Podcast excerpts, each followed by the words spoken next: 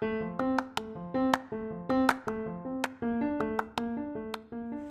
historian, selamat datang di Histocast. Masih dalam rangkaian 30 hari bersuara bersama Histocast. Wow, nggak berasa ya hari ini ternyata hari Jumat, besok weekend Minggu depan uh, libur, ada cuti bersama, tanggal merah juga. Gimana nih sejauh ini bulan Desember, bulan terakhir di 2020 menurut kamu ada hal-hal baik gak yang kamu temuin sepanjang Desember ini? Oke, untuk mengawali episode 18 kali ini karena temanya itu makanan atau minuman ya. Jadi kalau ngebahas tentang makanan dan minuman pasti historian udah pada punya dong masing-masing makanan dan minuman favorit. Nah, kira-kira minuman dan makanan favorit kamu tuh apa sih? Mungkin ngebahas tentang makanan, perkembangan makanan, iya, semua orang pasti udah pada tahu lah ya. Macam-macam makanan yang ada di Indonesia yang sangat banyak dengan berbagai kulinernya di setiap daerahnya. Mungkin kalau sekarang itu yang lebih populer makanan-makanan yang kekinian kayak salted egg, terus juga ada corn dog, Terus kalau untuk minumannya yang kemarin tuh 2020 yang pertengahan-pertengahan itu sempat viral banget kayak dalgona coffee, boba, dan yang lain-lain.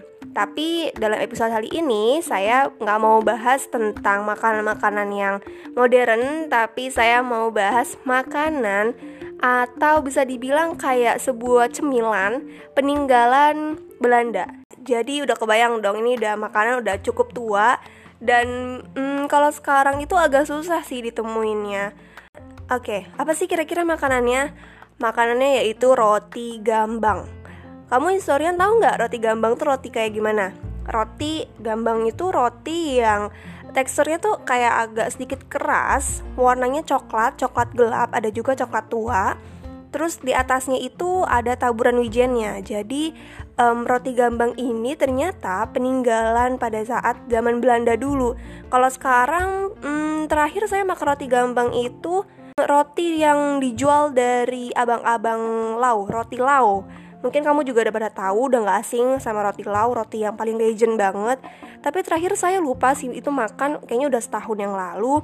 Waktu itu saya beli di abang-abang gerobak roti lau harganya sekitar 6000 mungkin sekarang masih sama atau udah naik saya nggak tahu. Dan ngebahas tentang makanan roti gambang ini bikin kayak aduh saya penasaran gitu roti gambang tuh sekarang masih ada nggak sih yang jual?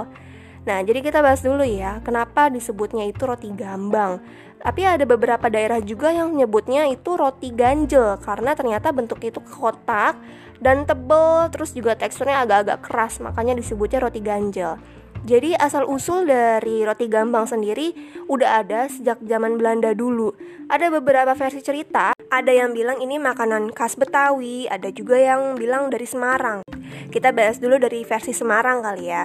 Jadi kalau di Semarang roti gambang ini disebutnya itu on be cook atau mungkin roti ganjel. Jadi kalau orang-orang di Semarang itu nyebutnya itu roti ini sebagai ganjel rel. Jadi disebut ganjel rel karena teksturnya itu kayak bantet gitu. Terus disebutnya itu ganjel rel atau bantalan rel karena orang-orang dulu tuh nyebutnya roti ganjel ini ada kaitannya sama tradisi dukderan saat menjelang puasa di Masjid Agung Semarang. Terus kalau untuk ganjel sendiri kan dalam bahasa Jawa itu artinya harapan, harapan bahwa nanti selama puasa mengalami suatu ganjalan yang disimpan di dalam hati sehingga puasa yang dilaksanakan oleh orang-orang itu berjalan dengan lancar.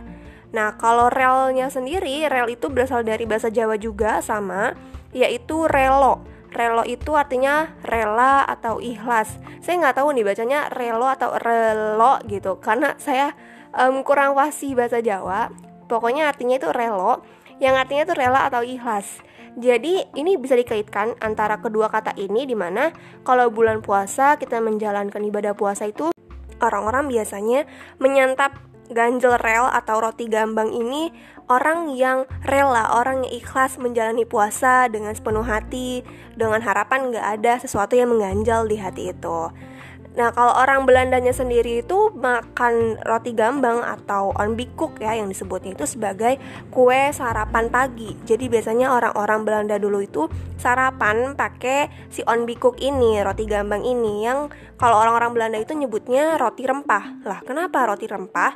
Karena ternyata dibuatnya itu dari rempah-rempah Indonesia kayak ada kapulaga, terus juga ada sedikit cengkeh gitu, makanya tekstur wangi aroma rempahnya tuh kuat banget dicampur sama bahan-bahan roti yang lain kayak terigu, gula, telur. Nah, kalau tadi udah dari Semarang, kita gantian lagi bahas dari sisi yang masyarakat Betawinya ya. Jadi kalau orang Betawi ngomongin roti gambang itu sebenarnya asal katanya dari kata gambang. Karena ternyata orang Betawi itu menganggap bentuk dari roti gambang ini mirip banget sama alat musik dari Betawi. Ayo, apa tebak? Yaitu gambang kromong. Jadi seiring perkembangannya waktu, roti gambang itu semakin populer di masyarakat Betawi.